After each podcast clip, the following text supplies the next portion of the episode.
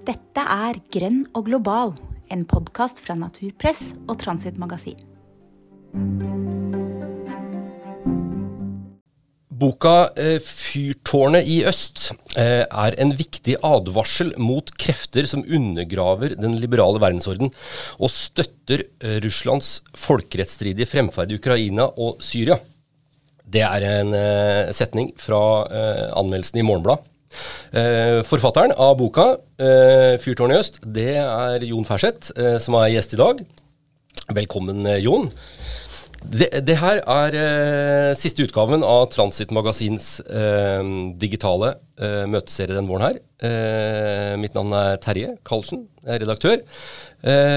Og konseptet med serien er at vi har i mai-juni nå invitert publikum til å møte noen av Transits eh, og eh, Naturpress, søsteravisa vår, sine faste journalister og skribenter eh, til litt nærmere møte og stille spørsmål. Jeg vil også si at denne seminarrekka her, den publiseres i etterkant som en del av podkastserien Grønn og global, som dere kan søke opp overalt hvor du hører på podkaster. Til info, det betyr også at eh, dette vi, eh, dere ser og hører her, det tas opp. Eh, så dere som lytter på og stiller spørsmål, dere vet at det, dette her tas opp. Ja, Jon. Eh, vi to har kjent deg noen år nå. Eh, vi har jobba sammen eh, et par år etter hvert. Eh, og du har skrevet og bidratt på ulike vis for Transit Magasin helt siden eh, starten. Og, eh, men jeg la merke til arbeidet ditt første gang, tror jeg, var når du jobba med nettavisa som heter Vepsen. som hadde som formål formål å drive gravende journalistikk om voldelige, rasistiske, totalitære eller hatefulle og antidemokratiske miljøer og grupper. Og Vepsen det var eh, en, et samarbeid med bl.a. nå avdøde Tor Bach. Bygde også på, eh, videre på en tradisjon eh, fra det antifascistiske eh, magasinet som gikk under navnet Monitor, som mange kanskje husker. Jeg opplever jo at det går en tråd gjennom arbeidet ditt som journalist og forfatter helt fra den gangen og helt til der du er nå. Eh, er du enig i det, og kan du si noe mer om den, den linja der, eventuelt? Ja, jeg håper å si ja, absolutt. Uh, på den måten at jeg uh, i veldig mange år har vært uh, opptatt av ulike former for ekstremistisk tenkning. ikke minst den rollen som konspirasjonstenkning spiller i veldig mye ekstremisme. Uh, som etter hvert har ført meg uh, vel så mye over på å interessere meg for ting som desinformasjon. Altså hvordan uh, ja, falske nyheter, konspirasjonsteorier og annet kan brukes til å lage propaganda. Eller til å, vil jeg si, kanskje forsøple den offentlige debatten. Alt det har vært ting som på en måte har vært en rød tråd i det jeg holder på med. I tillegg til det så kan du si at lenge før det så var jeg faktisk veldig interessert i Øst-Europa. Jeg skrev f.eks. masteroppgaven min uh, i uh, Serbia, altså på Balkan. Litt sånn i etterdønningene av krigene på 90-tallet. Så jeg har vært interessert i utviklingen i Russland i veldig mange år. Så det er absolutt på mange måter litt sånn veldig mange tråder egentlig i meg som kom litt sammen i denne boka her, kan man kanskje si. Mm. Altså, boka er jo det er hovedtemaet i dag, men det er så spennende å høre om arbeidet ditt. Eh, så Jeg skal komme litt tilbake til det også. Men eh, boka eh, ruller ut en eh, si, omfattende oversikt over eh, høyre populistiske partier, eh, høyre ekstreme organisasjoner, Øst-Europa, Sentral-Europa. Tar for seg vil si, skremmende samrøre av konspirasjonsteorier, antisemittisme, nasjonalisme ultrakonservatisme, kan man kanskje kalle det, som finner sammen i autoritære, antidemokratiske miljøer. Eh, kanskje er et litt vel opplagt spørsmål, men eh, likevel. Hva, hva, var bakgrunnen for boka? Kan du si liksom mer om liksom, ideen bak når du starta? Det kan jeg. Altså, ja. jeg ble jeg var jo i Ukraina våren 2014. Jeg skrev en bok som het 'Ukraina landet på grensen'. Eh, som handlet om bakgrunnen for Maidan og om den russiske invasjonen, må man nesten kalle det, i Ukraina. Uh, og det gjorde jo at jeg fulgte jo med på hva som skjedde, og jeg fulgte jo også med på hvem det var som støttet dette her. Og jeg så at dette her var en uh, salig blanding, egentlig, av uh, mye grupper ganske langt ute til høyre. Eh, inkludert en del sånn høyrepopulistiske partier i Europa, men også høyreekstremister. Og en, enkelte stemmer til venstre også. Og jeg så liksom at mange av liksom, den ideen og argumentene gikk liksom igjen. Og jeg så til og med at enkeltpersoner liksom begynte å dukke opp på alle mulige, ja, på alle mulige rare steder. Det er nesten som man, som man kunne bli konspirasjonsteoretiker av det. altså. Ja. og uh, dette ble noe jeg ble interessert i å grave i. Jeg uh, bestemte meg ganske fort for at jeg var mindre interessert i å kartlegge sånn hvem som har snakket om med hvem når, men heller se på hva er det egentlig de, er det de er opptatt av? Hva er det egentlig som gjør at uh, man uh, begynner å forsvare eller støtte Putins Russland, og til og med i noen tilfeller dro for å slåss på russisk side, altså sammen med de russiskstøttede separatistene i Ukraina, og til og med senere også har det vært enkelte som har dratt til Syria for å slåss for Russland. Så det er liksom, hva er, dette, hva er det ideologiske som går inn her? Kan vi finne liksom en rød tråd der? Og det mener jeg at jeg fant. Altså, eh, bare for å ta det spørsmålet med en gang. altså... Eh, eh, det er jo noen år siden du skrev boka 'Ukraina landet på grensen'. De, siste 10-20 eh, åra Det er ikke så lenge siden du skrev boka, men det, altså det er, har jo skjedd en utvikling de siste 10-20 åra som gjør at eh, disse eh, høyreekstreme rett ut fascistiske, nazistiske eh, miljøene ikke lenger eh, Altså, de som før hadde eh, Sovjet, kommunismen, som sin hovedfiende, og had, hadde andre idealer i Europa, og kanskje USA Plutselig så er det disse langt ut på høyresida altså de som ser til Russland, er både på høyre- og venstresida, det har vi jo lært etter hvert. Men hva er det som har gjort at de det siste er det, er det liksom en ny trend? Det, hvorfor har de snudd disse venstre- eller høyreradikale miljøene? Ser nå til Russland isteden? Først og fremst så er det ikke fullt så enkelt som at uh, dette er noe nytt. Altså, ja, hvert fall Hvis ja, du går langt nok ut til høyre, sånn, da snakker vi høyreekstremister, ja. nynazister og litt sånne ting som dette, så har det faktisk, selv under den kalde krigen, så var det en god del krefter som, eller stemmer som mente det at uh, Sovjetunionen helt klart var å foretrekke framfor USA. ikke sant? USA var jo uh, en representant liksom for global massekultur som man ikke likte. Eh, det var et land som var eh, multietnisk, eller raseblandet, for å bruke et veldig belastet ord. da.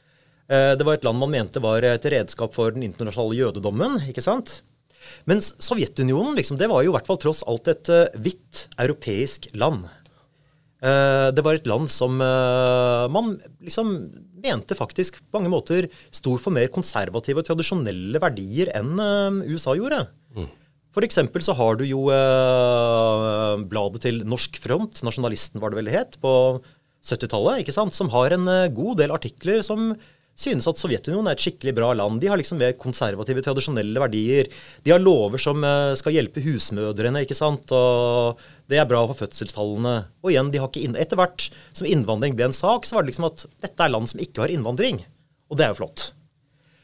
Så det er ikke noe helt nytt, det her. Men sånn i nyere tid, da Uh, og hvis vi beveger oss litt bort fra det, liksom det mest ekstreme nynazister og sånt noe, mm, og går til litt, ja. mer, litt, litt, litt, bredere landskap, så er jo det som kjennetegner de som har begynt å se til Russland, det er jo det at Russland oppfattes som et land som står opp mot det globale. Man mener f.eks. det at globaliseringen uh, er liksom eh, en villet prosess ikke sant, i regi av uh, ja, George Soros og andre. ikke sant? Og så tenker man seg det at Russland er jo et land som står opp mot dette. Det er jo flott. Man, liksom, man mener liksom at disse her internasjonale kreftene de står bak nesten alt som er av oppstander og opposisjonsbevegelser i forskjellige land. Fra Midtøsten til Belarus, eller Hviterussland, til Russland. ikke sant?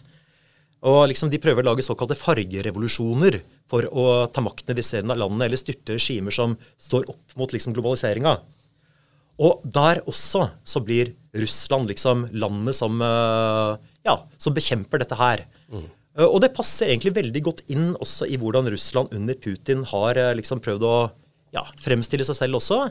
Ikke sant? Man prøver å fremstille seg som et kristelig konservativt land. Godt eksempel er jo disse lovene mot såkalt homoseksuell propaganda mot mindreårige. Eh, som i praksis betyr at du ikke har lov til å snakke nøytralt eller positivt om homofili når det er folk under 18 til stede. Mm. Som selvfølgelig gjør det umulig å drive noe som helst form for opplysningsarbeid mot ungdom. Mm. Eh, men altså, disse lovene her, det synes eh, ganske mange, egentlig alt fra nynazister til eh, en skremmende mange kristenkonservative, inkludert nå kanskje den ungarske regjeringen, som har innført lignende lover, er veldig, veldig bra. Og dette, er liksom, dette blir landet som står opp mot uh, disse liksom liberale kreftene her også. Det er også en sak i dette her. Og så, mm, ja, selvfølgelig så får du kanskje også enkelte på venstresida mye det som kalles tankies. Altså, kan du si, ekstre, litt sånn venstreside som er veldig, veldig opptatt av i antiimperialismen på en litt sånn usunn måte, kan du si. Der imperialisme bare blir noe som Vesten driver med, og som på en måte liksom lett blir noe som låner liksom Lett åpner for en del sånn konspirasjonsteorier om ja, Soros og alt dette her mm. der også. Og der også så blir da Russland på en måte et uh, positivt land, i motsetning til Vesten i hvert fall. Nå skal vi tilbake til den kampen mot uh, globalistene etterpå. Så vi skal ta et jeg skal gå litt inn på Litt mer på skriving av boka. Men altså det, jeg får jo lyst til å komme oppfølgespørsmålet når du snakker om Russland som eh, tar vare på de, de, hvite kristne verdiene. Det, Russland er jo et gigantisk land. Det er så mange folkeslag. Det er jo så eh, multietnisk. Eh, store muslimske stater, regioner. Ja, helt riktig. dette, er jo et, dette er langt på vei et fantasibilde man har laget seg. Det er jo ikke et virkelig land, dette her. Det er et, man, man, man, man liksom projiserer sine fantasier på det. ikke sant? Men som du sier, det virkelige Russland er jo et uh, multikulturelt og multietnisk land. Og det er jo faktisk også en del av landets selvdefinisjon. Altså, hadde, Putin sittet her og vi hadde spurt han, ville han også sagt det, at ja, vi er et multikulturelt, multietnisk land. Uh, og, og blant disse, disse tingene så også, inngår også islam. Islam er anerkjent i Russland som et av landets uh, tradisjonelle religioner, sammen med selvfølgelig hovedsakelig ortodoks kristendom, men også enkelte typer buddhisme, uh, jødedom og altså islam. Uh, det er vel ikke så mange år siden Putin var med og åpnet en stor moské i Moskva, f.eks. Mm -hmm. Og vi har jo, kan du si på godt og vondt, kanskje mest på vondt, så har vi jo en, eh, til og med en delrepublikk i Russland, nemlig Tsjetsjenia, hvor man jo har sharialover. Mm. Det er eh Eh, skal vi ta, la oss ta det litt ned på eh, fra det store eh, bildet av Russland. Eh, la oss eh, Jeg, jeg syns boka di, eh, 'Fyrtårn i øst', det er egentlig aller mest engasjerende. Jeg kjenner at jeg blir revet mest med når du er ute og treffer folk. som journalist. og et et imponerende stykke journalistisk arbeid. Eh, og du er eh, i um, Altså, du befinner deg jo ved i, du har vært ved grensa i, konfliktregionene i Donetsk, Luhansk, øst i Ukraina.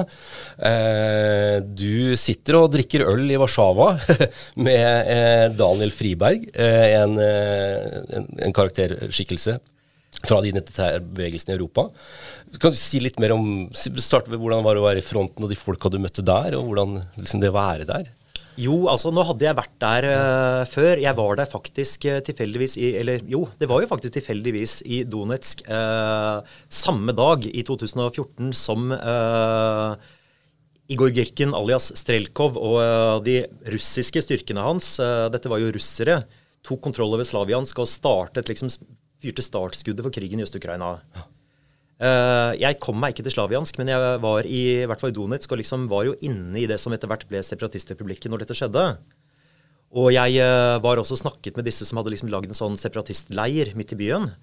Så det var, var, et sted jeg hadde vært før. Men du kan si at det var jo helt, noe litt annet å være der når krigen var, hadde begynt. Og liksom uh, ja, ligge og sove på hotellet og liksom høre litt sånn der kanoner i det fjerne og sånn. Ja. Det var jo selvfølgelig veldig spesielt og veldig skummelt. Eh, jeg støtter jo også på en eh, der som het Graham Phillips. Mm. Som er en eh, Ja, han er vel britisk født. Må vel kalle han russisk propagandist. som ja, skulle ha meg med på likhuset for å se på de som var blitt drept den dagen og sånn. ikke sant? Jeg, jeg takket nei til det. Mm. Uh, men uh, ja, nei. Philips og så var det en annen uh, du det møtte, også, de er jo, de er jo, Jeg snakket også med flere av de europeiske frivillige som har dratt for å slåss der. Ja, det gjorde jeg. og det var jo selvfølgelig veldig spesielt å snakke med de der. Det var også veldig spesielt å snakke med en representant for den russiske organisasjonen Sot Vremeny, som har, sin egen, hadde sin egen avdeling på den tiden der, i hvert fall, som var ute og slåss. Og som forklarte meg at det vi slåss mot, det er liksom en sånn der eldgammel sammensvergelse som går tilbake igjen til uh, de gamle Babylonia eller noe sånt, var det vel han sa. Ikke sant? Altså, dette her er sånn som du forventer å lese på en, en ganske sånn eller vil, for å bruke norske professor Øystein Sørensen uh, sitt begrep om en del sånt. Men det var som å lese liksom, noe som du kunne finne på en skikkelig liksom, ellevill konspirasjonsnettsted. Og her hadde du da altså faktisk en militæravdeling som hadde dratt til Donetsk for å slåss mot denne konspirasjonen med, med våpen. Det var liksom ganske sånn et øyeblikk hvor jeg liksom følte at det var som å bli transportert til en annen verden, altså. Men samtidig så er det jo dessverre en annen verden jeg har blitt mer og mer klar over at eksisterer. Men ja, som du sier. Eh, andre folk jeg har møtt. Ja, nei. Daniel Friberga. Ja, fortell litt om han. I, ja. I, Warszawa. Det er en annet, helt annet sted, i, eh, både geografisk, men også ja. eh, Han er jo ingen soldat, han er forlegger. Han er forlegger, ja. Han har eh, Du møtte han i Warszawa? Vært, eh, han er vel bosatt der for tiden. Ja. og han, var veldig, han er jo den som f.eks. har gitt ut den russiske høyreekstreme tenkeren Aleksandr Dugin på engelsk. Han har gitt ut veldig mye bøker fra alt-right-bevegelsen, så han er absolutt ingen hvem som helst. Mm. Eh, men det var som sagt veldig spesielt å sitte og drikke øl med han, fordi at altså Jeg sitter jo der og tenker egentlig at sånn alt annet i side, så er jo ikke han det, det absolutt ikke det verste selskapet å sitte og drikke øl med, altså. Så jeg hadde, har jo hatt en del sånne opplevelser underveis. At liksom at dette er, jo, dette er jo faktisk på sin måte sympatiske mennesker, så lenge du ser bort fra hva de står for, som jo selvfølgelig Ja, jeg er overhodet ikke deler, ikke sant? Ja, ja. Er, eh, hvordan tok de imot den norske journalisten Jon Færseth eh, både på denne italienske restauranten i sånn kjøpesenter i Warszawa, eller du fortalte også om en sånn kafé du møtte Philips Graham eh, på i, i Donetsk. Hvordan tar de imot møtene med deg der? Ser de på deg som journalist som avslører ting? Er, det en, er du en kompis? Er det en de prøver å overtale? Hvem, hvordan tok, tok du deg imot? Det er et veldig godt spørsmål, det der. Stort sett har jeg blitt tatt positivt imot. Det er noen få unntak som ikke har villet snakke med meg. Uh, et godt eksempel på det er f.eks. Alain de Benoit, som er en av, uh, ideologene. en av ideologene for det såkalte franske nye høyre og senere identitærbevegelsen. Mm. Han ville absolutt ikke snakke med meg. Uh, jeg mistenker at det kan ha litt med å gjøre at han på den tiden hadde begynt å få en del negativ oppmerksomhet, særlig i amerikanske medier pga. alt-right-bevegelsen. Og derfor så var han litt sånn uh, uh, jeg har ikke lyst til å bli, få mer oppmerksomhet nå. Andre av de tror jeg er litt sånn både og, at de gir litt At de ikke bryr seg så veldig. Mens andre igjen så er det selvfølgelig en ting man alltid skal tenke litt på i sånne situasjoner. Det er jo det at dette her er mennesker som tenker litt at all oppmerksomhet er god oppmerksomhet. Ja. Og det gir man dem jo. Så det er selvfølgelig alltid en avvenning. Jeg mener at jeg stort sett har øh, klart å øh, ha det i bakhodet og ikke, ikke fungere som PR-agent for dem. Men det er klart, dette er dette er en ting man alltid skal tenke på, som jeg har tenkt veldig, veldig mye på. Ja, så leser boka di og leser teksten du skriver, så oppleves du liksom en PR-agent for disse miljøene.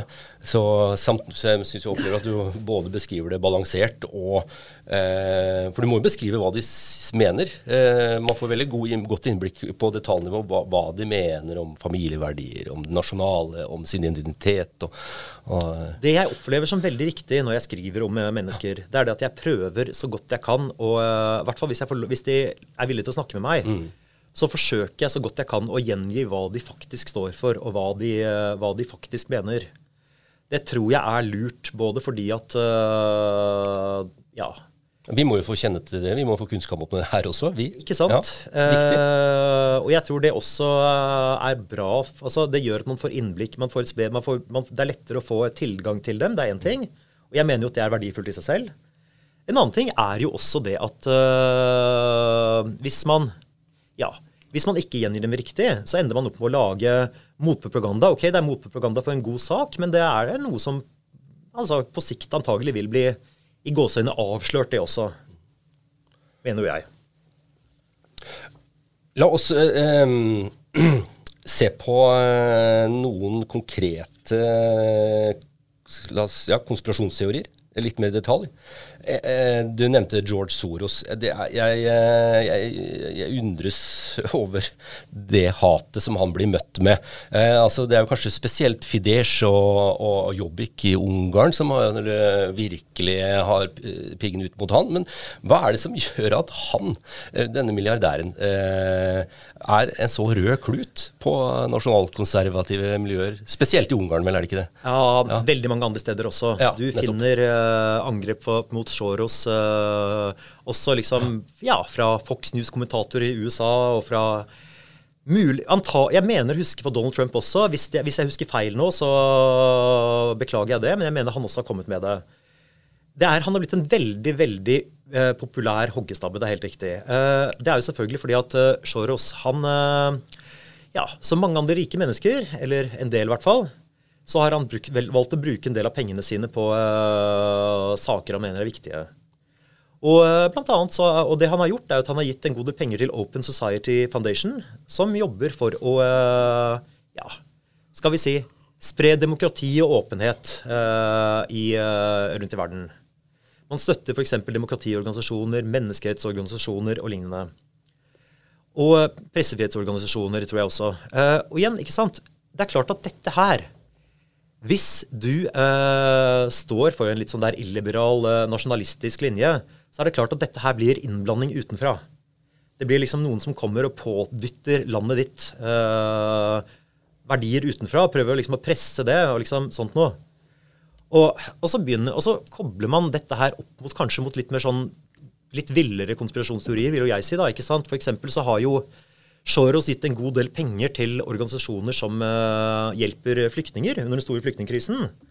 Og så har det liksom blitt til at han ønsker å oversvømme Europa og til dels USA med flyktninger. Det har han selvfølgelig ikke gjort, ikke sant? men altså, disse kommer jo enten man vil eller ei. Og skal man ikke hjelpe dem? Selvfølgelig skal man det, mener jo jeg.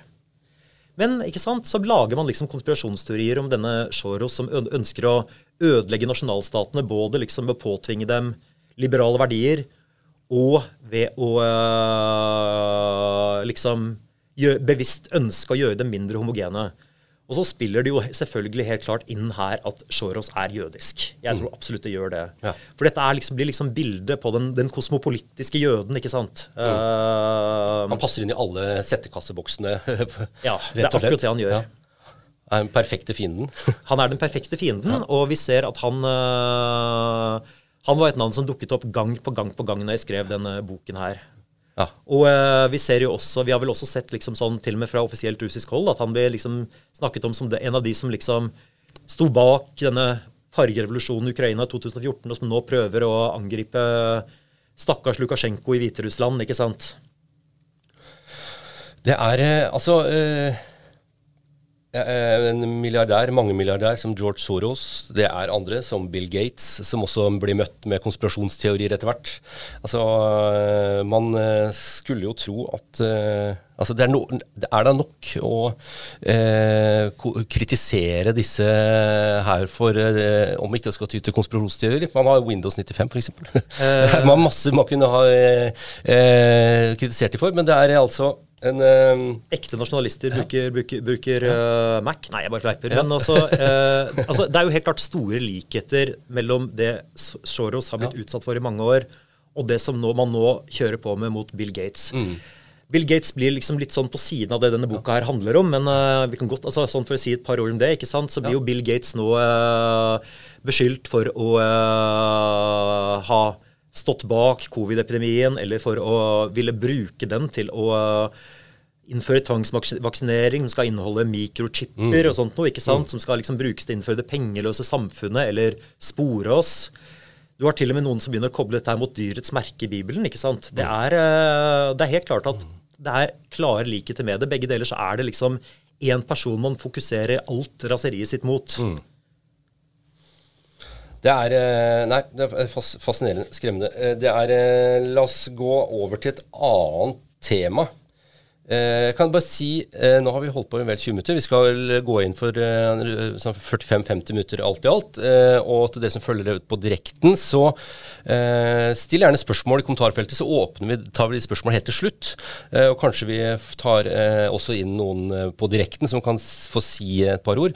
Skal vi se litt hvordan tida går også. Men bruk gjerne kommentarfeltet i, på livestreamen. Um, Tema Syria.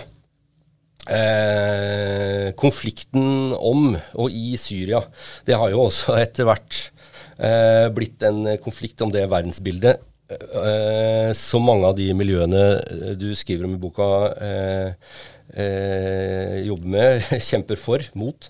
Det hevdes at Nato, USA, EU fører en krig mot eh, Syria. At Norge er en deltaker i krigen mot Syria.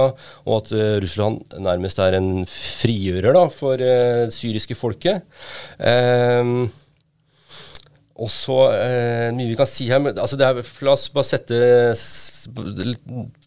konflikten om Syria har vært brutal og blodig. Det er eh, i år tror jeg det er ti år siden dette, den såkalte arabiske våren eh, slo inn i Syria. Og eh, neste år tror jeg det er da det gikk over i en borgerkrig, tror jeg man definerer det som, i 2012.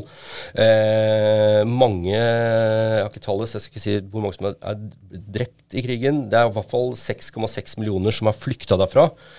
Eh, det er jo enda flere som er på flukt i eget land. Altså det er, et, en, en, eh, er jo en, eh, den styggeste konflikten som pågår nå. IS har regjert store deler. Tyrkia og Russland har gått inn.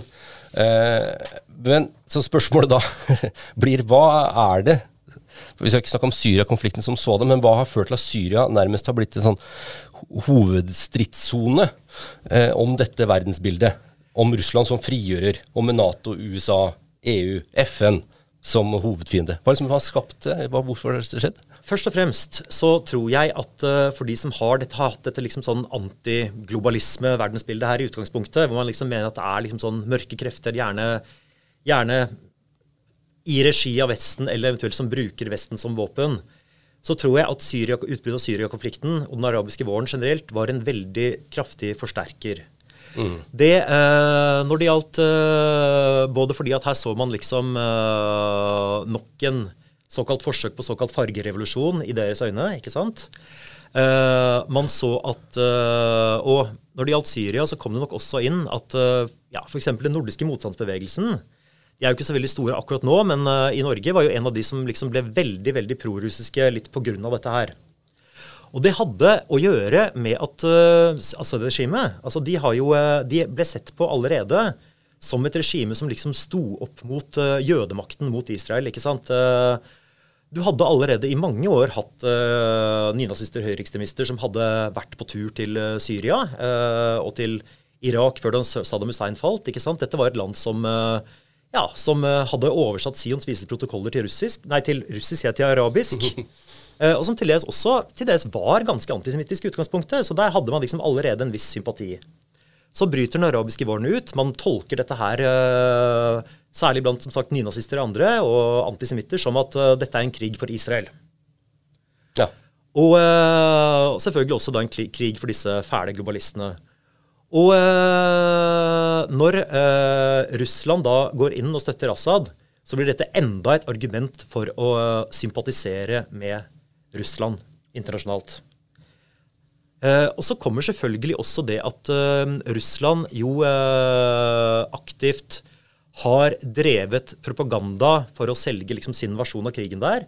Der man faktisk har brukt både høyreekstremister og kjente konspirasjonsteoretikere som propagandister. Man har utnevnt dem til Ja, man har en satellittkanal som heter Russia Today eller RT som det heter nå, mm. som er en uh, engelskspråklig russiskeid satellittkanal som sender over hele verden, eller mesteparten av verden. Og som, uh, der mye av budskapet er uh, ikke så mye at Russland er bra, som at Vesten er dårlig. Det er liksom det man prøver å si. Det er liksom ment å skulle liksom fri til de som er veldig negative til sine egne land og sine egne regjeringer. da. Og der tok man da aktivt i bruk flere folk egentlig fra, altså fra konspirasjonsverdenen på nettet, den undergrunnen der, nynazister og andre, og liksom utnevnte dem til eksperter på Syria, journalister, uavhengige analytikere osv. Og, så og lot dem da komme med propaganda. Propaganda som faktisk også fant veien til Norge, særlig gjennom nettstedet steigan.no. Mm. Men mye av de samme menneskene. Altså, konflikten om Syria er så komplisert. Det er så mange aktører. Eh, det er mange interesser i området. Det er selvfølgelig en, eh, en, mange økonomiske interesser. Eh, mye makt, penger, hvor selvfølgelig USA har interesser. Selvfølgelig har uh, Irak, Iran interesser. Uh, IS ødela store deler av landet. Du har kampen mot terror. du har en flyktningkrise som har kommet i etterkant også. så det, det, er jo så komplisert. det er jo ingen som hevner noe annet, men det som er interessant her, er at det er Eh, noen, konspirasjonsteoriene forenkler jo noe vanvittig. Altså De forenkler og banaliserer, og eh, på sånn sett kanskje også er farlig for den reelle situasjonen på bakken. Det er vel kanskje nettopp det at de forenkler og banaliserer, som gjør at, det blir, eh, at, de lettere kan spre seg også. Jeg har lyst til å bare si en liten ting her angående dette. Ja. det er lenge siden jeg egentlig var så veldig opptatt av sånn, sånn, sånn konspirasjonsteorier om chemtrails og alt mulig sånt. noe. det jeg syns er mye mer farlig nå for tiden, det er disse litt mer snikende, litt mer sånn uh, forsiktige konspirasjonsteoriene som er mye mer egnet brukt i propaganda. De er forestillinger som man prøver rett og slett da, å, så å, si, å hvitvaske på den måten at de, uh, man deler det fra det ene mediet til det andre, og så håper man at det til slutt skal liksom finne veien inn i mainstream-media og liksom bli en etablert sannhet der. Eller i hvert fall skape et inntrykk av at dette er noe vi ikke vet så veldig mye om, eller noe vi ikke kan finne helt nøyaktig svar på. Da har man jo oppnådd egentlig alt det man trenger. Det er den typen propaganda Russia Today og andre driver med i dag. Mm. Eh, men når det gjelder Syria, ja, så er, det, så er vel det kanskje vært eh, et sted hvor eh, en del av den russiske propagandaen slo litt rot, i hvert fall i sosiale medier og andre steder. Og det er jo ikke gjort noen undersøkelse på hvor mye det har slått ned. Så det kunne vært veldig spennende å se, altså. Ja. Um hvor Altså, det, altså, konspirasjonsteorier er farlige. Det tenker jeg at det er liksom å slå, slå fast. Og, og et, et, emne som vi i Transit Magasin, ikke minst ved ditt arbeid, Jon, har dekka jevnlig. Eh, og så eh, Ja, og her ble det spesielt farlig fordi at man så ja. at, uh, at, dette motiverte ja. høyreekstremister fra hele Europa, og til og med fra Sør-Amerika og andre steder, til å dra til Donetsk og Luhansk for å slåss mot de russiskstøttede separatistene. Mm. Og noen av disse har faktisk blitt rekruttert videre til å slåss for for eh, Russland andre steder gjennom leiesoldatfirmaet Wagner-gruppen. Vi skal gå litt på fremmedkrigen. Jeg kan bare stille et, bare et spørsmål konkret om Syria, og som jeg syns er, er, er, skremmende. Jeg det, det, er, det, er, mye konspirasjonsteorier om FN, Agenda 2030, og at FN skal ta over verden, eller FN skal halvere verdens befolkning, og det er mange teorier i den retningen. Men så har du på bakken så har du noen organisasjoner som begrepet, eh, ikke begrep, men det er noen som kaller seg for White Helmets. De går med sånn hvite hjelmer, og, og, er en, eh, så vidt jeg vet, en, en, en, en hjelpeorganisasjon. Så, eh, så, har det vært masse konspirasjonsteorier rundt denne organisasjonen, White Helmets, som visstnok er finansiert utenlands, og det er mange hjelpeorganisasjoner som er det. Men det farlige med å konspirere rundt hjelpeorganisasjoner, er jo at det setter egentlig alle hjelpearbeidere i fare. For de er hjelpearbeidere, om de kommer med gul vest eller hvit hjelm eller eh, blå votter. er Det liksom da, er det, det, setter liksom det humanitære, den humanitære innsatsen eh, og livene til de som faktisk er på bakken der, i fare. Det syns jeg er skremmende. Eh, tipper du kjenner til eh, White Helmets-konspirasjonene? Ja, det gjør jeg absolutt. Den den er jo et uh, veldig godt eksempel på en, uh, en, påstand som har blitt spredt uh, av russiske media og av forskjellige nettsteder som ja, enten samarbeider med russiske medier, eller som tar ting derfra. og veldig ofte, hvis du går litt nøyere inn på hva de nettstedene skriver ellers, så finner du forferdelig mye rart. Du finner veldig mye ofte antisemittisme, ofte en del sånne ting som dette. Men det som går igjen her, det er jo den påstanden om at uh, White Helmets, eller Syria Civil Defense er det vel det egentlig heter, som er en organisasjon som drev og hjalp folk ut av uh, bombede bygninger i uh, Syria, eller, og som også dokumenterte krigsforbrytelser. De var veldig viktige å få, demo, å få sådd tvil om, eller helst demonisert, nettopp fordi de dokumenterte krigsforbrytelser. Mm. Og, eh, for det var jo noe som ikke tok seg helt godt ut i det narrativet man prøvde å selge ikke sant, om Russland som det tapper russerne som kommer inn og skaper fred i Syria. ikke sant? Her kommer det noen da begynner å, dokumentere at uh, jo da, regimet driver med gassangrep på sin egen, egen befolkning. ikke sant? De slipper tønnebomber, masse ting som dette. Uh, de måtte stoppes. Eller forsøkt stoppes. Og som jeg sa da, så brukte man til dette her, så brukte man folk som var rekruttert rett fra den elleville konspirasjonsverdenen. Det var folk som uh, få år tidligere hadde vært holocaust-benektere, eller uh, snakket om at uh, IS egentlig var israelske skuespillere, eller at uh, ja, disse hvite stripene på himmelen egentlig er kjemiske våpen som, skal, som egentlig er en grunn til klimaendringene. Altså Det var denne her typen folk som ble rekruttert, og som plutselig liksom sto der og var liksom analytikere og journalister. Det er en veldig veldig fascinerende den, hvordan, den, hvordan, disse menneskene her på en måte nesten fikk ny identitet. Og øh, det var også et narrativ som man til dels klarte å spre. altså. Og som du sier, den der demoniseringen av hjelpeorganisasjoner er forferdelig farlig for alle hjelpeorganisasjoner, ikke bare de som øh, blir direkte omtalt. Mm, nettopp. Det er, øh, det en, den, den sprer mistanke for alle.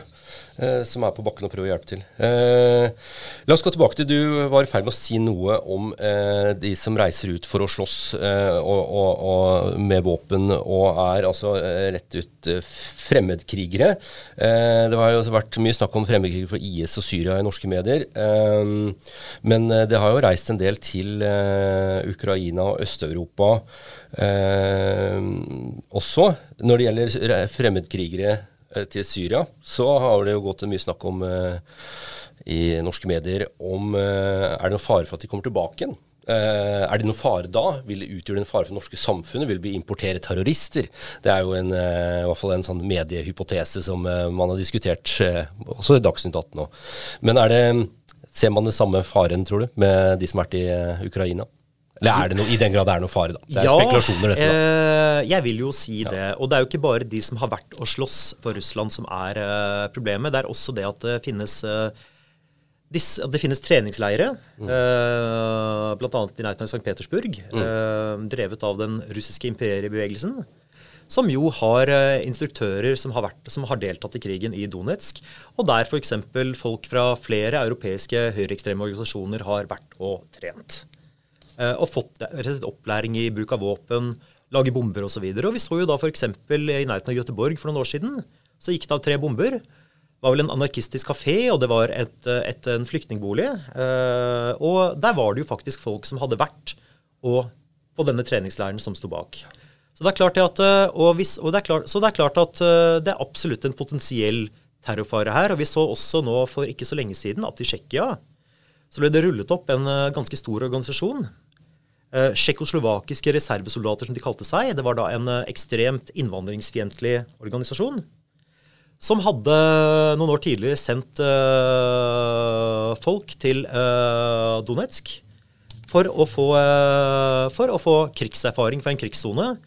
Og her var det rett og slett meningen at de skulle lære seg erfaring som de kunne lære videre til andre hjemme på hjemmebane, og så utføre terrorhandlinger i Tsjekkia. Mm. Så her ser vi liksom dette helt direkte. Så eh, altså Om de er en far eller ikke, så er det i dette tilfellet her, så var det i hvert fall meningen fra, det, fra organisasjonen selv at de skulle være en fare. Det er eh, Tida går hvis Og jeg har fått inn et par spørsmål. Eh, jeg tar de til dere som stilte de spørsmåla, så tar jeg de eh, mot slutten. Eh, kjempebra eh, at det kommer inn. Eh, jeg eh,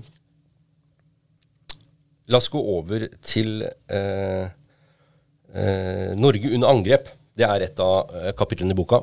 Eh, og det er også et tema som vi, eller du, har skrevet om i Transit Magasin tidligere, om hvordan deler av eh, norsk barnevern spesielt har blitt en eh, skyteskive eh, for eh, kanskje spesielt av kristenkonservative miljøer når det gjelder eh, abortmotstand.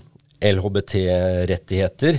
Eh, men det har jo også dukka opp, så vidt jeg skjønner, i russiske medier hvor eh, Norge beskyldes for å drive med barnetyveri eller å normalisere incest. Kan du fortelle litt mer om disse Det kan jeg. eh, anklagene og teoriene som går i mediene? Mm. Eh, det kan jeg absolutt. Ja. Eh, dette her er jo et eksempel igjen på hvordan ja, på hvordan liksom konspirasjonsteori brukes i desinformasjon, i dette tilfellet rettet mot Norge.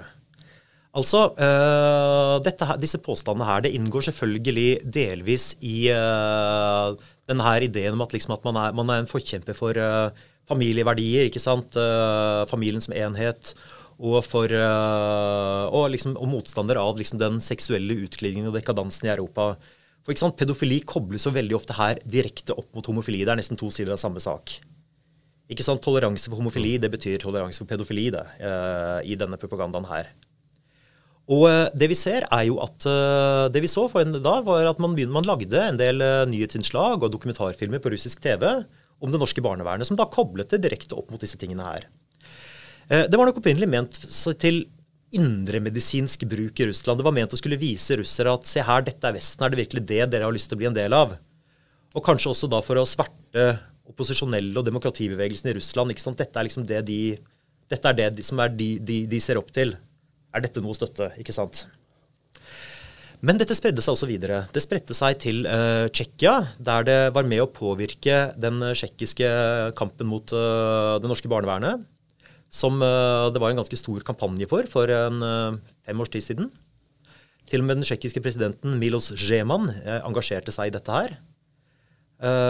man sammenligna liksom norske barnevernet med Lebensborn-programmet til nazistene. ikke sant? Der hvor blonde og blåøyde barn skulle liksom bortføres fra Øst-Europa for å liksom friske opp litt den tyske rasen. da. Så snakket man der om at å, det er fordi Norge, det står så dårlig til genetisk i, i, i Norge at uh, de må liksom stjele barn fra østeuropeiske familier. Uh, helt vilt, men vi så liksom at uh, dette her budskapet om at dette var liksom kobla mot pedofili og såkalt norsk ideologi, da, det begynte liksom å, å, sive inn der også, og ble noe ganske mange etter hvert begynte å snakke om. Og det var henta direkte fra russiske innslag. Og, øh, og, på toppen av alt så, så, du, så, begynte man liksom å sitere noen av de samme personer fra det samme miljøet som sto bak, øh, faktisk, eller som var involvert i opprettelsen av opprørsrepublikken i Ukraina. Det høres litt vilt ut. Man kan nesten bli konspirasjonsteoretiker av mindre, men det, det er faktisk tilfellet, altså. Så så du ikke sant? Så fikk du eh, Det begynte å spre seg til eh, de baltiske landene. Eh, der også norske barnevernsmotstandere deltok på konferanser sammen med ja, miljøer ganske langt ute til høyre, som også var liksom sterke motstandere av LHBT-rettigheter og lignende. Og som brukte aktivt dette russiske materialet for å sverte Norge og Vesten. Om disse norske barnevernsmotstanderne visste hva de var med på, det vet jeg ikke. Men uh, de samarbeidet nå med de, og liksom, kan man vel si da bidro i hvert fall til å styrke budskapet deres i de baltiske landene. Dette er jo selvfølgelig veldig interessant, fordi at her sitter man liksom og leser om ting som foregår i andre land, og så er det plutselig mitt eget land som, er, uh, som blir skyteskiven for en sånn kampanje. Det var ganske vilt når jeg først ble klar over det. Mm. Det er eh Kanskje vi skal bare gå rett på dette med For det, det, Vi har snakka om flere ganger. Du har nevnt uh, Russia Today, RT. Uh, og det er en uh, kamp om medievirkeligheten der ute. propagandakampanjer fra for å si, fra ulike myndigheter allikevel, som går jo i ja, ulike myndigheter i Europa, i hvert fall eh, globalt, pågår i sosiale medier. Eh, det er vel ikke så overraskende, det at det er eh, propagandakampanjer. Men det pågår også en eh, det, det, desinformasjonskampanje i Europa eh, hvor eh, russiske myndigheter er aktør, med et spørsmålstegn der. Kan du kommentere litt det? Og så det for, kan, har foregått ja. mange slike ja, kampanjer. Si litt mer om det først, så kan vi Det har vært mange slike kampanjer. Én ja. ting er jo den med det norske barnevernet. Mm. Uh, vi har den om krigen i Syria, hvor russiske myndigheter i høyeste grad var en aktør. I, delvis i, på en eller annen måte i samarbeid med forskjellige litt sånn lugubre nettsteder, ikke sant? Uh, som man brukte liksom for å få dette budskapet her inn i, måte inn i medielandskapet. Vi hadde en uh, lignende kampanje rundt uh, Ukraina i 2014. Uh, nå rundt Aleksej Navalnyj, som han har forsøkt ikke sant, Denne russiske opposisjonslederen. Som han prøver da å stemple som uh, rasist og høyreekstremist. ikke sant, Underforstått at dette er jo ikke en person man bør sympatisere eller støtte i Europa. Og akkurat nå så er, har man vel en ny en rundt han eh, Roman Protasjevitsj, altså han hviterussiske eh, journalisten som ble uh, arrestert under det som var en regelrett flykapring. ikke sant? Der også er man nå veldig opptatt av å forsøke å koble ham til høyreekstreme miljøer i, i, Ukraina. Akkurat hva som er historien om uh, Protasevitsj og den såkalte Azov-regimentet i Ukraina, det er en uh, Der er vel juryen fortsatt ute. Men det er ingen tvil om at dette er noe man Altså, dette, dette, det man i hvert fall gjør, er å hoppe til konklusjoner, ikke sant? Uh, ting som mildt sagt er usikkert, forsøker man da å si at dette er helt sikkert. Og selvfølgelig handler dette ikke bare om å sverte Protasevitsj, men også om å sverte hele den hviterussiske opposisjonen som nasjonalistisk og høyreekstrem. Mm. Litt som man gjorde i Ukraina? Ja. Også litt som man gjorde med Navalny. Mm -hmm. Ikke bare, kanskje ikke bare litt heller. Og det, Man ser jo at det er de samme, mange av de samme nettstedene og aktørene som i tillegg til Russia Today, som uh, bistår i dette her. Som også bisto med Syria, som bisto med uh, Ja, som har vært veldig anti-George Soros, ikke sant. Som uh, er veldig opptatt av dette her, at liksom at alle opposisjonsbevegelser rundt i verden er på en måte er liksom vestlige regimeendringer. Det er egentlig en veldig interessant tankegang, det her, hvis vi sier at dette ikke er noe, hvis de sier at de faktisk tror på dette her selv. Mm. La oss si at de gjør det. Jeg er litt usikker, men la oss si at de gjør det. Så er jo tankegangen bak ganske egentlig ganske så reaksjonær. Det er liksom litt sånn der eh, idé om at de eneste aktørene som på en måte har en egenvilje, så å si, det er stormakter. Og alle andre er liksom bare verktøy for dem liksom litt sånn der type great game, sånn man hadde på 1800-tallet, og sånn som de av oss som har spilt brettspillet Diplomacy, kjenner igjen. ikke sant? Men det gjør da at man liksom sier at uh, folk i, uh, utafor liksom stormaktene de har ikke noe egenvilje. De blir bare manipulert, og de er bare brikker. Og det er jo egentlig en forferdelig reaksjonær en forferdelig nedsettende holdning til disse menneskene. Denne mediekrigen eh, som pågår der ute i Europa eh, man må jo spørre om det er eh, påvirker dette norske medier i noen grad? Hvilken, det, ser vi spor av det her, eller er, er vi rene og ranke her hjemme og uh, avslørt alt? Eller vi liksom, er det noen spalter, er det noe sted vi ser påvirkningen dukke opp? I det store og hele så synes jeg at uh, norske medier gjør en veldig god jobb med å uh, unngå liksom at denne typen ting på en måte sniker seg inn. Eh, jeg tror norske journalister jevnt over veldig, er veldig gode på kildekritikk. Veldig gode på hva de slipper til og ikke slipper til. Eh, så dette har stort sett i Norge blitt uh, vært liksom henvist til alternativmediene, sånn som Steigan, Resett og litt sånn Du finner det litt i noen alternativmedier på venstresida også. Jeg har ikke lyst til å gå i navn, men ikke i samme grad. Mm, mm. Uh, du har hatt liksom bitte litt antydninger noen få ganger i Klassekampen. Uh, men igjen, jeg oppfatter det som forglemmelser mer enn uh, egentlig en agenda. Så i det store og hele så har jeg lyst til å rose norske medier der, altså. Det gjelder alle sammen. Mm. Det er um når det er sagt, ja. så har vi jo norske aktører som uh, ikke bare forsøker å få dette her inn i det norske medielandskapet uten noe særlig hell, men også norske aktører som eh, er eh, aktive på Russia Today, f.eks.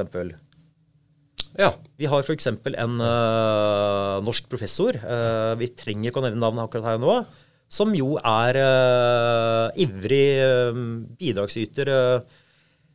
han er vel en slags spaltist faktisk på Russia Today, mm. og som også har skrevet flere russiskvennlige kronikker i norske aviser. Mm. Og det er klart at her har vi en litt, sånn, litt mer sånn ubehagelig greie. Men igjen, det har i liten grad heldigvis funnet veien inn i norske, norske mainstream-medier. Og det vil jeg gjerne rose norske journalister igjen for. Altså av ehm, skal, Nå skal vi gå litt inn i denne kampen mot globalistene som du var inne på, som jeg sa det skulle snakke om seinere. Eh, nå har vi vært gjennom mye av det, så eh, har jo litt lyst til å likevel, når vi snakker om ulike medier, så eh, nevne Altså at Transitmagasinet er en uh, mediesatsing som prøver å holde et, et, globalt perspektiv. som det er, I boka så snakkes det om at det er noen av disse miljøene som eh, ikke har høyre-venstre-perspektiv. Det vil jeg påstå vi også klarer å være litt eh, fri for høyre-venstre-akse, men i vårt magasin har en genuin tro på at internasjonalt samarbeid og internasjonalt perspektiv er et gode det er også noe som er slått fast i eh, formålsparagrafen vår.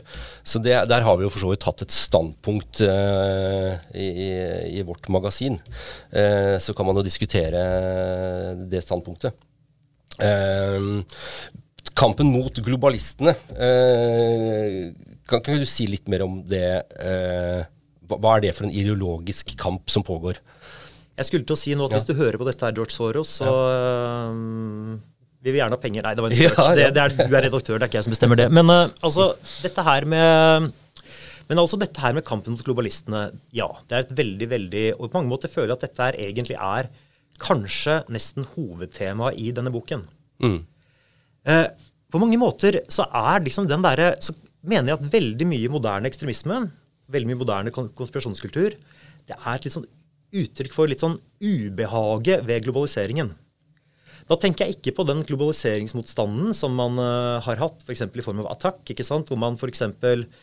misliker en globalisering som gjør at, uh, ja, at rike blir rikere, fattigere blir fattigere, den typen ting. Uh, eller at det blir lettere liksom, for multinasjonale selskaper å trekke verdier ut av land. ikke sant? Det er ikke, mm. skatteparadiser sånt, det er ikke det jeg mener her. Men jeg mener liksom den derre ubehaget ved at man liksom opplever kanskje at makt blir overført fra nasjonalstatene til liksom overnasjonale, litt sånn, der, litt sånn vanskelig håndgripelige organer. ikke sant? Litt av den følelsen av at uh, landet, landet, mitt er ikke, er ikke, det det var. ikke sant? Det er uh, det har fått Det har blitt mer flerkulturelt, ikke sant? Det, har, det, er liksom, til og med ulike hudfarger nå. Det var det ikke før. Hva i alle dager er det som skjer? Og kanskje man føler liksom at gamle verdier blir liksom tynnet ut og sånt noe. Jeg opplever veldig, veldig mye mer og mer at dette er det som ligger til grunn for veldig, veldig mye uh, av det vi ser i verden nå. Uh, man, tenker, man, føler liksom ubehag ved dette, og så tenker man seg dette, at dette må jo være en villet prosess. Ikke altfor ulikt hvordan man uh, i mellomkrigstida før ikke sant, så lignende prosesser som forårsaket av uh, jøden, ikke sant, som var symbolet for det moderne. ikke sant, Alt dette her. Denne tankegangen her, om at uh, dette er en villest prosess som uh, må snus, det uh, tror jeg ligger under for veldig, veldig mye ekstrem tenkning og radikal tenkning i dag. Og så begynner man liksom å lage seg en litt sånn fantasiverden. Man sier på en måte at en annen verden er mulig, ikke sant? Hvor uh, hvor nasjonalstatene fortsatt er rene og selvstendige, og uh, ingen innvandring. Folk lever sånn som de gjorde på 50-tallet, med mor, far og deres felles barn. ikke sant? Kristendommen er fortsatt sterk. Alt dette her. Og man håper kanskje, og man, ser, man gjør på en måte da Det som kanskje er noe av kjernen for veldig mange av disse, er jo nettopp dette her. av det vi nå har snakket om.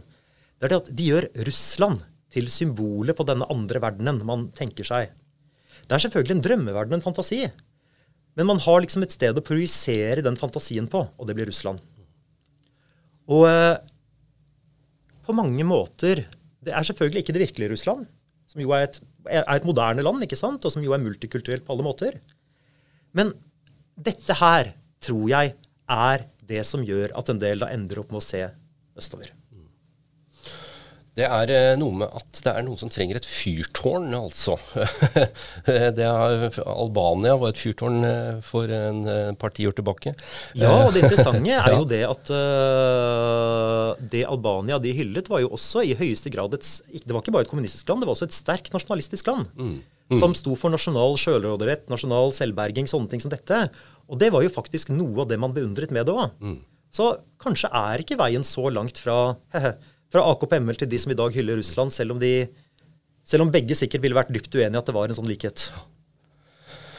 Altså, jeg, jeg det er Dette her er jo ikke en skal jeg si, Dette her er jo en kamp om ideologi. Også. Det er jo en åndskamp. Det er en idékamp også om verdien i eh, det nasjonale, eller verdien i en større global verden.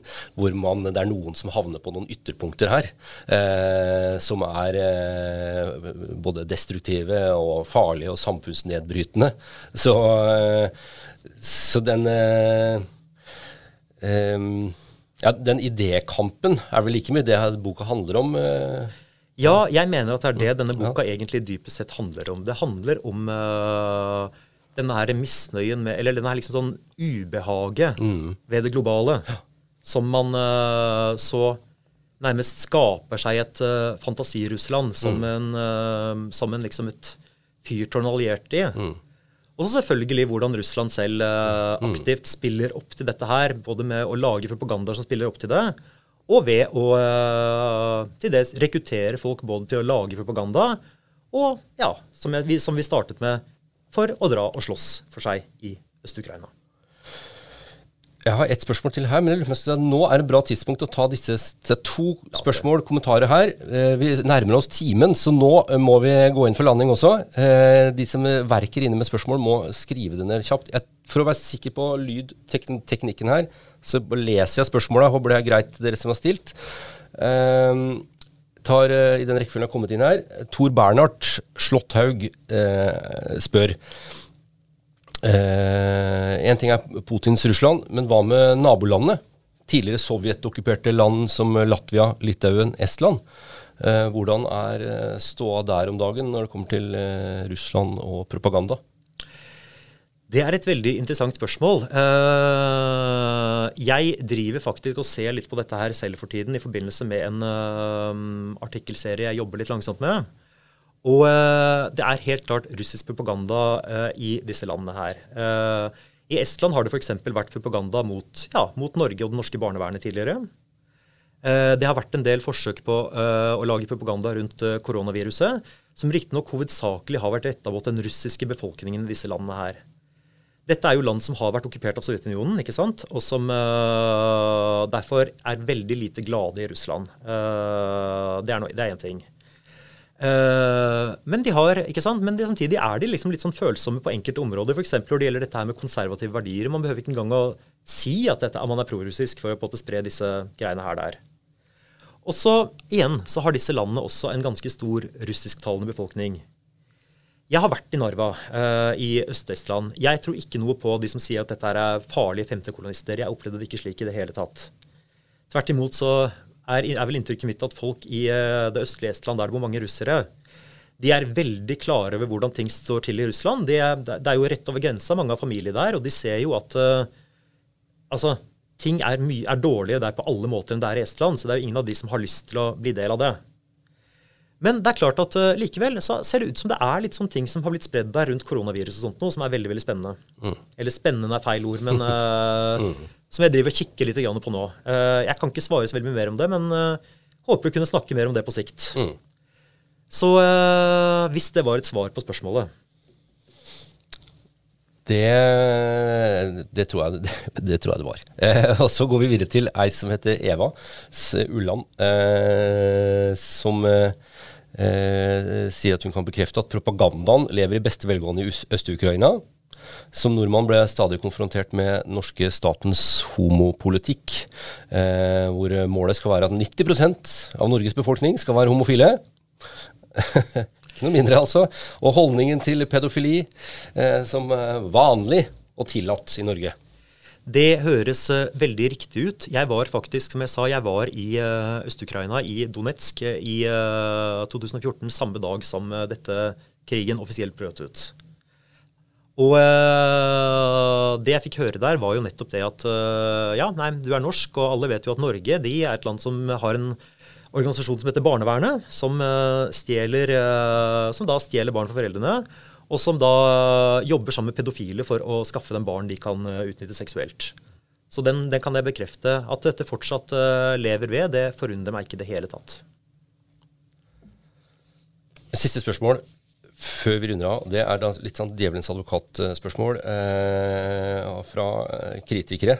Eh, som eh, kritikere som hevder arbeidet du gjør, eh, Jon, rundt konspirasjonsteorier, det innsnevrer debatten. Klassisk eh, kritisk eh, spørsmål. Innsnevrer debatten om norsk utenrikspolitikk. Altså, så lenge vi eh, ikke så lenge vi gjør, gjør, kritiserer konspirasjonsteorier, så kan vi ende opp med å være, liksom, karakterisere meningsmotstandere, uansett om de uh, ser til Kreml eller Washington. Hva tenker du om den kritikken? Jeg tenker at jeg er uenig i den. Det er klart at det er, det, er, det er, mulig at det er noen som kaller, kaller, kaller, som kaller folk man er uenig med, politiske konspirasjonsteoretikere. Det tror jeg har litt med det å gjøre at ordet konspirasjonsteori ikke sant? Det er blitt et veldig populært ord nå. Og det er veldig ofte når det kommer et nytt ord inn i språket, så begynner man å bruke det Det blir liksom sånn det blir liksom, det er litt sånn jålete ord som man kan bruke om alt man ikke liker. ikke sant? akkurat som ja, Akkurat som fascist har vært, ikke sant? Eh, kommunist har vært, alt mulig sånt noe. Og så, ikke sant, får, Det gjør at du noen ganger kan få folk som begynner, som begynner å lure på liksom, historien om rotta i pizzaen eller Seljordsjøormen og sånt. Det er en konspirasjonsteori.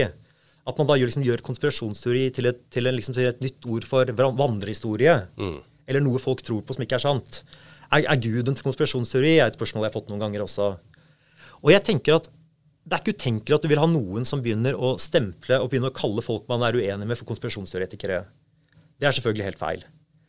Eh, og det skal man selvfølgelig ikke gjøre. Men det jeg er opptatt av, det er når konspirasjonsteori faktisk eh, siver inn og brukes eh, i debatten. Altså at man, eh, at man gjengir påstander som f.eks. stammer fra Russia Today, stammer fra forskjellige obskure blogger og som faktisk ikke er sanne, og som impliserer liksom en sånn mystisk sammensvergelse med Soros og Vesten og det som er. Eller bare at uh, gassangrep i Syria ikke har funnet sted, alt mulig sånn som dette. Da sprer man konspirasjonsteorier, selv om man ikke nødvendigvis vet det selv. Mm. Og, det, og, hvis du gjør det, så må du være forberedt på kritikk for det. Altså, det er rett og slett snakk om uh, å holde debatten renslig. Utover det så må du selvfølgelig være enig-uenig i norsk utenrikspolitikk og mene hva du vil om det. Og du er ikke engang nødvendigvis pro Kreml, selv om du f.eks. argumenterer med en såkalt realistisk utenrikspolitikk. ikke sant? Det, det, er ikke det vi snakker om her i det hele tatt. Det håper jeg er uh, veldig, veldig klart. Eh, Carl spør her, eh, som er kanskje det, dagens siste spørsmål, som passer fint å runde av med, er er folk helt ukritiske til propaganda? Søker ikke folk andre kilder, eller ser de ikke at ting som påstås, ikke alltid ikke henger på greip? Jo, folk gjør det. Eller, altså, men det er jo ofte slik, ikke sant Dette blir litt, sånn, litt på siden av saken, men det er jo gjerne slik at vi mennesker vi, uh, vi har en tendens til å uh, være mer positive til informasjon som støtter opp under det vi allerede tror og mener. Ikke sant? Godt eksempel er hvis du er uh, Ja, hvis du er veldig, veldig anti-islam, så er det lett å støtte, å støtte og kjøpe eh, informasjon som er feil, men som på en måte støtter opp under et eh, skrekkbilde av muslimer. ikke sant?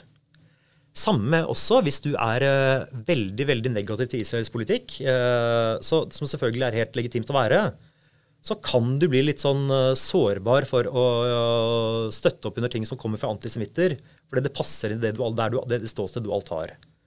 Og samme, ikke sant? Hvis du har et liksom veldig negativ, kanskje negativt syn på Vesten, du mener at liksom Vesten blander seg for mye i verden, noe man jo selvfølgelig kan argumentere for at vi har gjort, ikke sant? så blir det lett å kjøpe konspirasjonsteorier om liksom globalisering og George Soros og fargerevolusjoner og alt dette her. Og jeg tror ikke nødvendigvis at noen av oss er så mye dummere eller klokere enn andre. Jeg tror dette er noe vi er eh, sårbare for alle sammen, og som vi nesten ofte kan begynne med oss selv. altså. Selv om denne påstanden her liksom liksom tilsynelatende passer veldig godt inn i hvordan jeg tror verden henger sammen, så er den ikke nødvendigvis riktig. Kanskje skal vi holde an litt før vi sprer den videre. Jeg gjør den feilen stadig selv. Jeg, jeg retweeter ting f.eks., og så tenker jeg noen sekunder etterpå Ops! Dette her, uh, er dette bevist? Slett. Og så begynner jeg å sjekke det. Noen ganger viser det seg at det var riktig allikevel. Men noen ganger viser det seg at dette var noe som hoppet veldig til konklusjoner som jeg ikke hadde lyst til å være bekjent av å spre. Men igjen, dette gjør vi alle sammen. Og uh, det er noe vi alle trenger å jobbe litt med oss selv med. Det er jo en veldig bra oppfordring da, til, uh, som runder av uh, seminaret her. Dette må jobbe med alle sammen. og ta grep om oss selv også. Det, eh, tusen takk til dere som deltok eh, på seminaret på nett her. Eh, og eh, Jon, alltid hyggelig og veldig interessant. Og skremmende også. Det, så det her var vårens siste digitale seminar fra Transit Magasin. Over sommeren så håper jeg at vi kan møtes igjen i et eh, lokale og gjennomføre noen eh, arrangementer. Og det, kanskje ta hverandre i hendene etter hvert. Og, og møtes. Så god sommer. Eh, takk for i dag. Denne podkasten er et samarbeid mellom Naturpress og Transit Magasin. Vi har ingen investorer eller millionærer som sponser oss. Det er dere lyttere og lesere som er våre viktigste støttespillere. Gå inn på naturpress.no eller transitmagasin.no og tegn et abonnement. Tusen takk for ditt bidrag til mer grønn og global journalistikk.